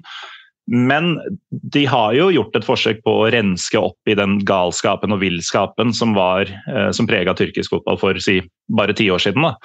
Eh, gjennom spesielt eh, dette Passolig-systemet, som jeg hater intenst. og eh, Som turist så er det jo enkelt å, å hate det, på en måte. Jeg er jo ikke der så ofte. men det er såpass ille at eh, mine beste venner i Istanbul, eh, som også er med i en eh, ultrasgruppe til fener som heter Vamos Bien, eh, ganske venstrevridd gjeng for øvrig, de har rett og slett ikke gått på kamp siden Passolig ble innført, i, i protest mot det. Og de er ikke aleine om å skvise seg sjøl ut da, og tenke at dette går jeg ikke med på. Eh, For nye lyttere så kan jeg si at Passolig er et billettsystem hvor du må legge inn uh, veldig mye uh, personinformasjon, uh, med bilde bl.a. Så når du beeper en Passolig-billett på en helt vanlig seriekamp, så kommer bildet ditt opp på en skjerm som vaktene på innsida ser, for at det skal vite at det er deg. Og hvis du da f.eks. er uønska på stadion, eller ja, er en person av interesse, da, så, så, vil klubbene vite hvor du er med en gang. Så det er, det er, en ganske guffen greie. Og mine folk de sa at dette går ikke, så de har rett og slett slutta å se på laget sitt og kamper live i det hele tatt. Og det er jo Jeg har jo vært med å lage TIFO til derby sammen med disse folka og sånn. De, de, er av de mer engasjerte. Så mm. det sier litt om hvor, hvor dypt det sitter da, for, for mange. Og um, Tribunelivet i Tyrkia det bar preg av dette i mange år. Det var glisne tribuner, det var lite trøkk uh, um, blant de som var der. Og igjen, det er jo så mye informasjon i disse billettene at uh, man har jo også fjerna folk som har ropt litt for stygge ting. Da har man klart å identifisere hvem dette var ved hjelp av nettopp dette systemet. Og så har de blitt bannlyst eller til og med straffeforfulgt. Men nå de siste årene så virker det som kamplysten kanskje har gått litt ut av folk, eller om det er et generasjonsskifte, at man begynner å bli vant til at sånn er det hvis man vil på kamp. Så nå er atmosfæren, uh, spesielt hos de største klubbene, uh, virkelig kommet tilbake. spesielt denne høsten har det vært veldig mye bra trøkk i, i Superligaen. Ja. ja. det er jo superinteressant det du sier der. Det står også en del om dette i denne Welcome to Hell-boken. hvordan dette endra fysiske landskapet i tyrkisk fotball. Altså, de nye stadionene har også forårsaket en sånn endring i publikumsprofiler. Mm. Uh, vi kan jo kontekstualisere dette med Det var vel den uh, 6222-loven uh, som Erdogan styrer klubba gjennom i 2011, vel. Denne mm. ja, loven som skulle forhindre vold og uorden i idrett generelt, og kanskje fotball spesielt. Mm. så motivasjonen for denne loven er jo interessant å diskutere, for der har det vært spekulert litt. Altså, hovedpoenget var jo kanskje da å øke datagrunnlaget, som du sa, for hvem som er på arenaen. Og ikke minst da gi økte straffer for de som da bryter reglene eller opptrer upassende. Men, men det er en sånn Jeg syns det er litt sånn Det er diskrepans mellom det loven uttaler som sitt eh, formål og de faktiske effektene, på en måte. Mm. For, for, man sier jo at man vil rydde opp i huliganisme, men det egentlige målet virker å være litt mer sånn større. da. Ja. Fordi at konsekvensen er jo Når det blir dyrere å gå på kamp, så vil jo ikke en gjennomsnittlig hooligan ha råd til å gå. Så loven virker jo å handle mer, eller handle mindre om usikkerhet eh, eller sikkerhet, og, og mer om liksom å, å, gjøre Transformere fotballkultur og supporterskap til eh, ja, fra på en måte lidenskap eh, for de fattige til underholdning for borgerskapet, eller noe sånt. Mm. Ja, og der, eh, altså Selv om metodene har vært forskjellige, så er det kanskje tydeligst sammenheng mellom det som skjer i Tyrkia og det som har skjedd i England 25-30 år tidligere. Så det er helt klart Det er, et, det er en plan her som de kanskje ikke har uttalt offentlig, men det er ganske tydelig at det er den retninga de går i. da. Ja, altså en ting er jo det er lettere med avstraffelse, men det er også lettere med markedsføring. ikke sant? Hvis du mm. da, når klubben og fotballinstansene vet veldig mye om folka som drar på kamp, så kan de også drive retningsbestemt markedsføring mot ting de tror folka vil like. da. Mm. Så dette viser jo bare en sånn uh, endret tilnærming til publikum fra supporter til kunder. Uh, på en måte. Det, for oss som liker fotballkultur, så er jo det veldig trist. da. Mm. Men det er, det er veldig interessant. Altså. I tillegg så tror jeg det er, eh, som du sier, altså, det oppleves veldig irriterende. bare først og fremst. Det virker veldig tungvint. Ja. At liksom, fordi Jeg har skjønt det slik at hvert uh, Pasoli-kort er kobla til én bestemt klubb. Mm. Ja, det, du kan ha to. Eh, du kan ha et klubbspesifikt, og det kan du bare ha ett av. Da er du knytta til den klubben, men det gir deg jo fordeler i, i forhåndssalg og sånn til store kamper. Eh, men så kan du også ha et generelt som gjør at du kan kjøpe til For det er jo ikke bare fotball dette systemet nå omfavner. Eh, du kan også kjøpe billett til f.eks. den eh, akvedukten som du besøkte gjennom Passolig-appen f.eks. Eller Passo-appen. Så det er et system som, som, er større enn bare fotballen, men som fotballen på en måte lider mest av. Og har du da det generelle, så kan du, kan du kjøpe til f.eks. om du egentlig er Galatasaray-supporter, så kan du dra på Kasim Pasha-kamp. Eh, det er ikke noe veien for det, men da må du kjøpe generelle billetter f.eks. Jeg har ikke 100 satt meg inn i dette, men eh, Nei. Ok, for Det er sånn generelt kort. Da. Fordi mm. i, I denne boken så, så skriver han om dette her er jo noen år tilbake, da, men hvordan han måtte ha fem-seks sånne kort for å få dratt på, på ulike kamper. Det, det er jo en liten avgift for hvert kort òg. Det er en Mm. avgift for fornyelse hvert år som går til klubbene, så det er jo veldig mye inntjening her òg. Det er det definitivt. Uh, og så er det jo litt sånn synd da, at de, de, det blir mindre sånn spontan kampgåing, eller det blir jo nesten umulig. Altså, Mm. Det gir jo klubbene veldig sånn forutsigbarhet på f.eks. For vakthold. Da. De vet hvem som kommer og hvor mange i veldig god tid. Mm. Så det har mange implikasjoner. Altså. Det er det. Men uansett uh, implikasjoner og den slags. eh, du nevnte jo at eh, ved avspark så var det stor stemning hos Besjiktas også i 2023. Ja, det ryktes at det var solgt over eh, 30 000 billetter, og stadion tar vel litt over 40. Mm. Og Det kan stemme, altså, men jeg syns det så litt uh, mer tynt ut enn som så. Men det var jo veldig fullt uh, i Charge-kurven der, da. Mm. Uh, og selve kampen, vi kan jo snakke litt om den òg, kanskje. Den utspilte seg jo som en sånn drømmescenario for Glimt. Det var veldig sånn Ja. passivt, ubalansert og lite samla pressende Besiktas. Mm. Og de ble, ble løpende veldig mye mellom Glimts sånn kortpasningsspill i egentlig hele omgangen. Eh, Det var nesten komisk å se hvordan stjernespillere konstant var på etterskudd og ble overspilt. ikke sant? Ja, for de har jo mye bedre spillere enn det laget framstår. Ja, ja, ja. Det, men det er det relasjonelle som er viktig, da. Mm. Um, eh, jeg tror det må være den beste omgangen Glimt har spilt på bortebane i Europa. Det var eh, Det virket som de hver gang de bestemte seg, kunne spille fra egen femmeter til motstanderens femmeter, på en måte. Mm. Eh, De burde jo også skåret mer enn de gjorde, eh, men de dikterte kampen totalt. altså. Så det, Mm. det var bare et sånt tidsspørsmål før de skulle fått satt noen kasser. Ja, og du var der med akkurat perfekt promille og kunne bare kose deg med, med storspill og borteseier i Istanbul. Ja, det, det er jo litt surrealistisk. Eh, Men det var jo fullt fortjent òg, som sagt. Eh, Mm. Det var Faris Pemi som eh, putta da, like før eh, pause. Og han spilte jo for øvrig sin livskamp, eh, som jeg har sett, i hvert fall. Mm.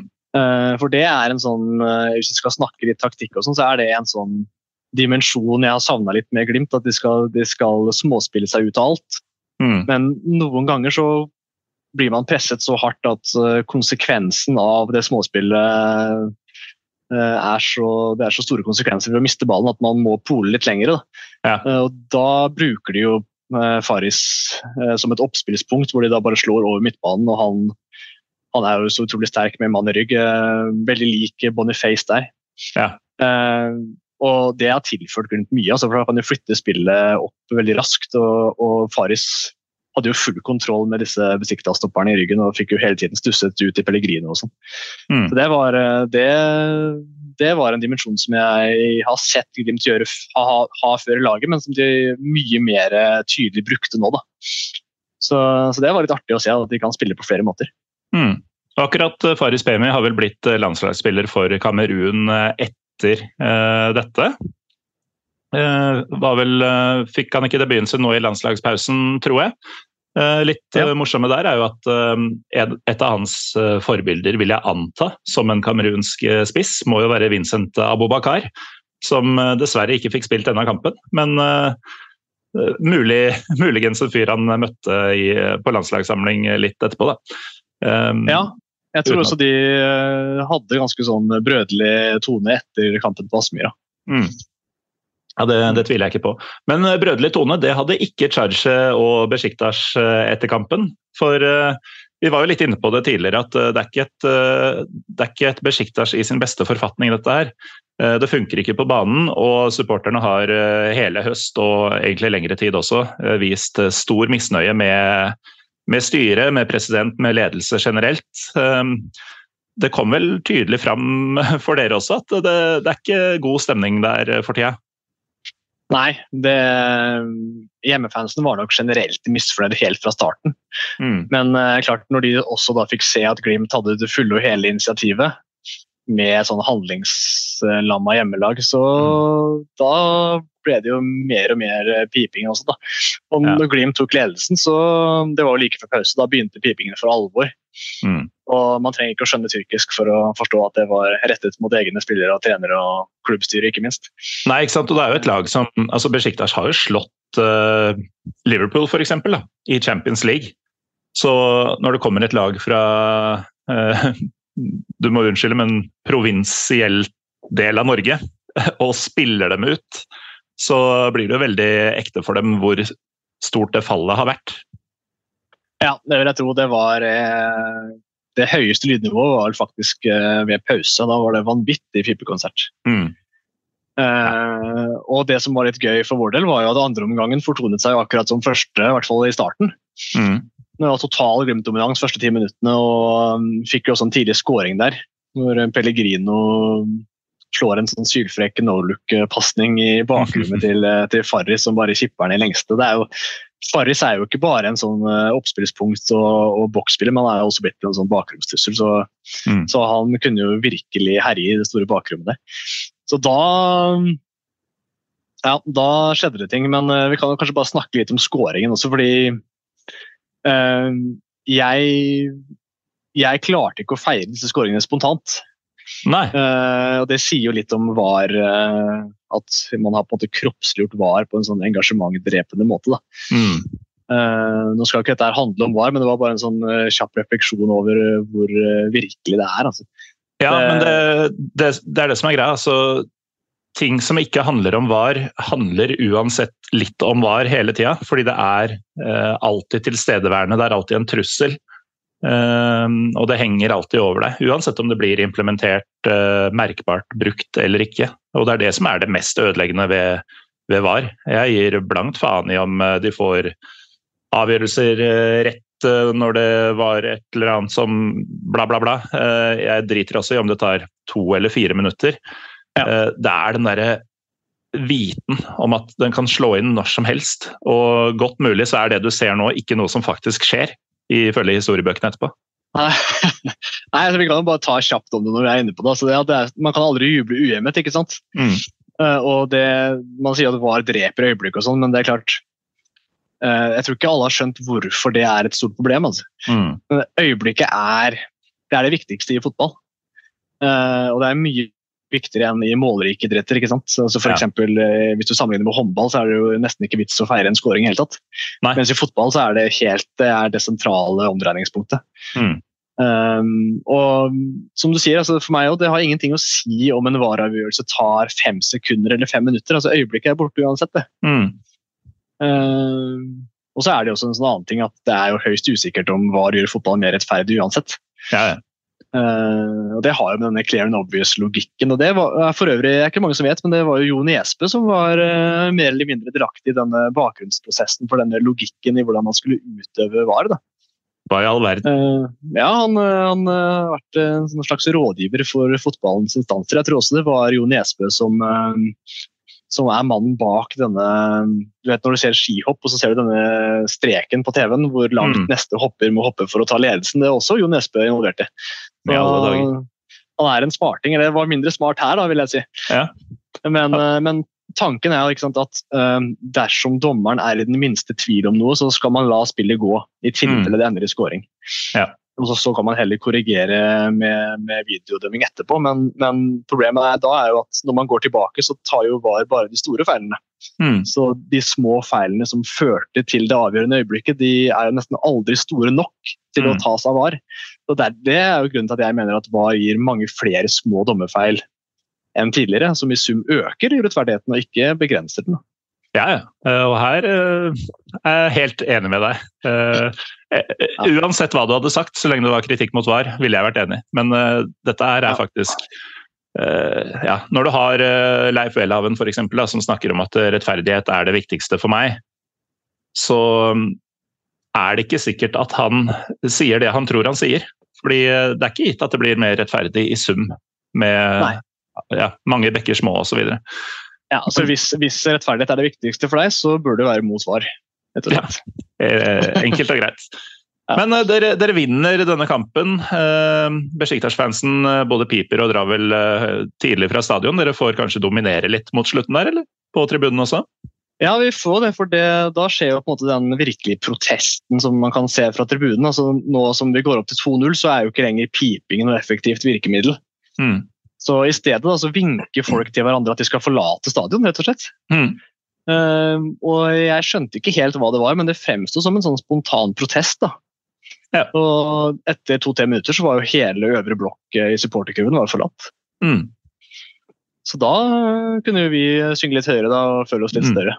Ja. ja høre Glimt-sangene drønne utover uh, bortestadion i Istanbul. Det må ha vært uh, en sjuk opplevelse, selv om det var litt på walkover. Ja, for så vidt. Det er bra akustikk der, og det hørtes jo greit, tror jeg. Men mm. uh, nei, de har, med Besiktas og Chachu har jo en del sånne påfunn. det var vel, Du skrev på Twitter om et sånn påfunn de hadde etter denne Lugano-kampen, hvor de mm. rota bort 2-0 til T2 de siste ti minuttene, eller noe sånt. Ja. ja, og da var det jo motsatt. Da nekta de å dra. Det ble jo nesten så uh, Nesten så de måtte ja, det... bli kalt terrorister av uh, presidenten, sånn at de kunne sende inn politiet på dem. Ja, De ville sove der, var det ikke det? Jo, jo. Vi, uh, vi, blir her til, til, du er borte, var vel beskjeden de ga til presidenten sin.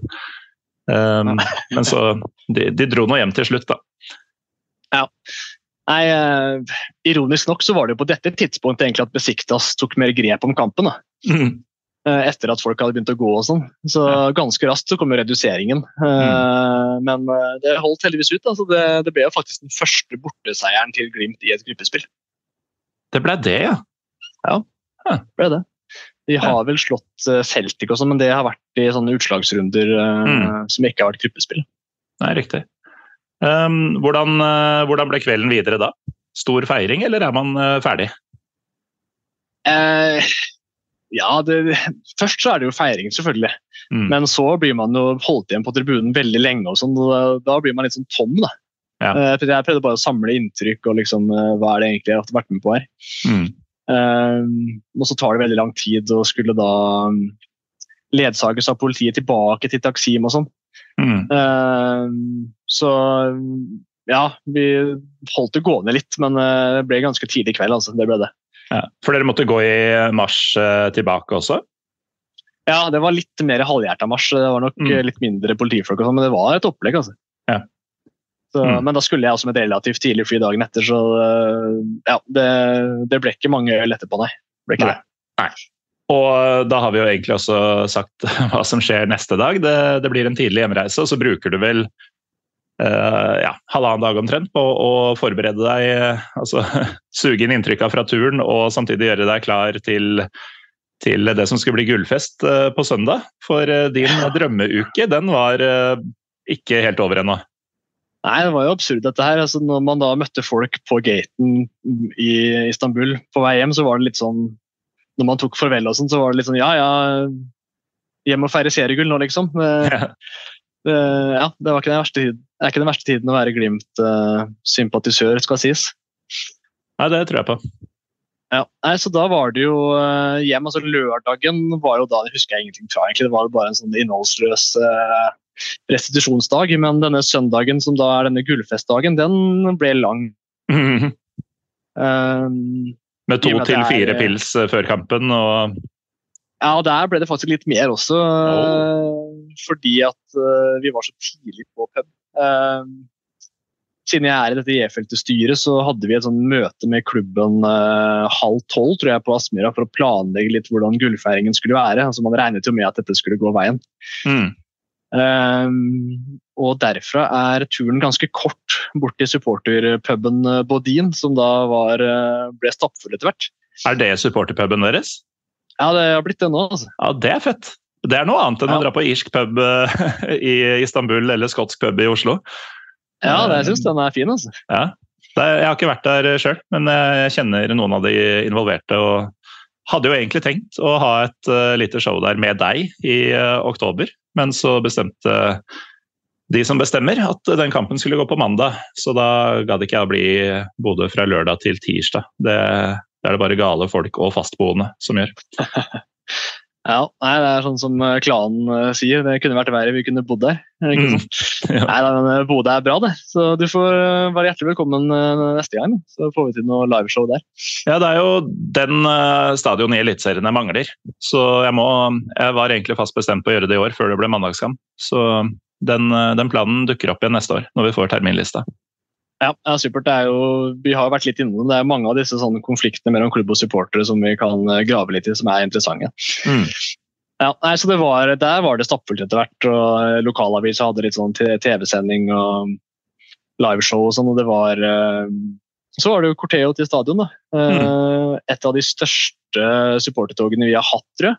Jeg pleier alltid å telle litt sånn røffelig hvor mange som faktisk er med på dette. her, og Nå kommer jeg til over 300, da, så det er jo ganske bra til å være, til å være en by på Bodøs størrelse. Um, nei, Så var det jo utsolgt Aspmyra, selvfølgelig. og Selve kampen var jo medioker, uh, egentlig. Det var jo stort sett enveiskjøring, men det var liksom ikke uh, så god uttelling, da. Mm. Uh, men gullet gikk jo i boks, da, som alle hadde trodd. Men Eh, når man har trodd det og på en måte visst det såpass lenge, blir det den festen som man uh, skulle ønske seg da, eller blir det mer sånn derre Jeg skal ikke kalle det lettelse, kanskje, men når det føles litt automatisk etter hvert, at man har vært klar over at dette gullet tar vi, det er bare et spørsmål om tid. Hvor stor dempe legger det på det, fra en som aldri kommer til å oppleve seriegull?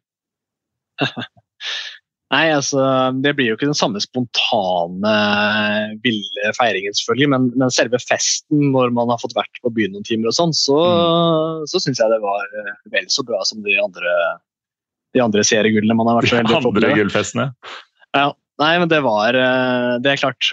Eh, Glimt har jo aldri tatt seriegull hjemme før, så det hadde Ja. vært et veldig sånn antiklimaks hvis Mm. hvis det skulle ryke, da, for det var vel eh, ja, det har vært i Drammensområdet begge de to tidligere eh, gangene, henholdsvis mot Strømsgodset og Mjøndalen. Da. Ja. Så, nei, så var det tabelljumboen Ålesund man møtte også, så det er klart alle Det det måtte ikke jo skje.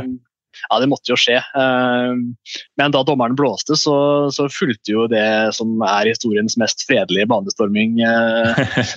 eh, eller Det kan vel best beskrives som sånn organisert kaos eller strukturert eufori, kanskje. Det var i hvert fall Mm. sånn kontrollert lidenskap. Men det er jo sånn det blir da, når det er forventa. Ja. Men jeg står ikke i veien for at det var et veldig fint øyeblikk. altså. Nei, nei. Og jeg kan jo bare se for meg åssen det var eh, på både inn eh, utover eh, kvelden og andre vannhull.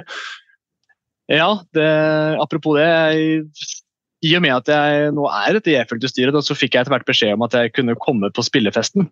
Å ja. Eh, Og Der var det jo fri bar osv. Og, og, og sånn etter hvert så kom jo veldig mange andre supportere inn der også. Mm. Eh, Så Det synes jeg var en veldig sånn fin eh, Det er kanskje første gang jeg har kjent på den der familieklubbfølelsen med Glimt. da. Mm. At liksom spillere og trenere og ledere og journalister og fans og alle liksom kunne feire sammen. Ja. Så det var en sånn kveld jeg bare måtte gripe, følte jeg. Litt som den samme følelsen jeg hadde når det, man skulle på byen etter den 6-1 mot Roma. Det var sånn, Mhm. Her må du bare gripe alle muligheter. Ja. Nei, men det, det blir noen opplevelser der oppe når, når laget er, er som det har vært de siste fire-fem åra. Um, men det er jo ikke helt ferdig, fordi det er jo cupfinale snart. Uh, og da kan du jo få da kan du jo få denne um, umiddelbare, euforiske um, seiersfølelsen. Uh, blir det, blir det cupfinaletur på deg? Og Brygge, for den saks skyld. Du prater om at folk vil kombine, uh, kombinere den. Ja, mange skal kombinere. Dessverre skal ikke jeg, da. Uh, hadde vært en fin kombi, det, altså, men jeg Jeg bestilte for lenge siden en uh, tur, uh, en skrivetur. En skrivetur? Uh, av og til så må jeg reise bort for å få skrevet litt. så I nesten hele desember så befinner jeg meg på såkalt skriveopphold da, i Thailand. Såkalt er kanskje stikkordet, eller? Ja, det kan du si. Det er en kombinasjon av uh, skriving og andre ting. Mm. Så nei, altså det, det, er, det svir litt at jeg ikke får vært med på det. Altså. Men uh, jeg kommer nok sterkere tilbake på, på nyåret, så får vi satse på at det blir en uh, livepod i Bodø etter hvert òg. Ja, det får vi satse på. Um, I så fall kommer jeg sterkere tilbake i mitt forsøk på å si, endelig oppleve dette famøse bortefeltet på, på Aspmyra. Um, Men i, mellomtida, Mats, takk for at du var med og fortalte om din, din drømmeuke, må vi vel kunne kalle det. Det er jo det episoden kommer til å kalles også, merker jeg. Og håper du koste deg i Istanbul både med dine egne innfall og tipsa du fikk av meg. Høres i hvert fall ut som det var en by som svarte mer eller mindre til forventningene. Jo takk, bare hyggelig. Jeg skal definitivt tilbake. Mm. Og da blir det uh, Chia Sofrase i Kadikøy uh, en av middagsdagene. Uh, hvis ikke så er det tjenesteforsømmelse, faktisk. Ja, det, det, blir det garantert. Uansett, takk for at du var med, og lykke til på det såkalte skriveoppholdet i, i Thailand. Takk også til deg som hører på. Mitt navn er Morten Galaasen. Vi er Pyropivopod på Twitter og Instagram. Husk at på pyropivo.com så kommer det fortsatt hver uke et eh, blogginnlegg hvor jeg skriver litt om fotballen i et land og deler en matoppskrift fra samme land. Det er nemlig sånn denne podkasten opererer. Uansett, vi høres i neste uke.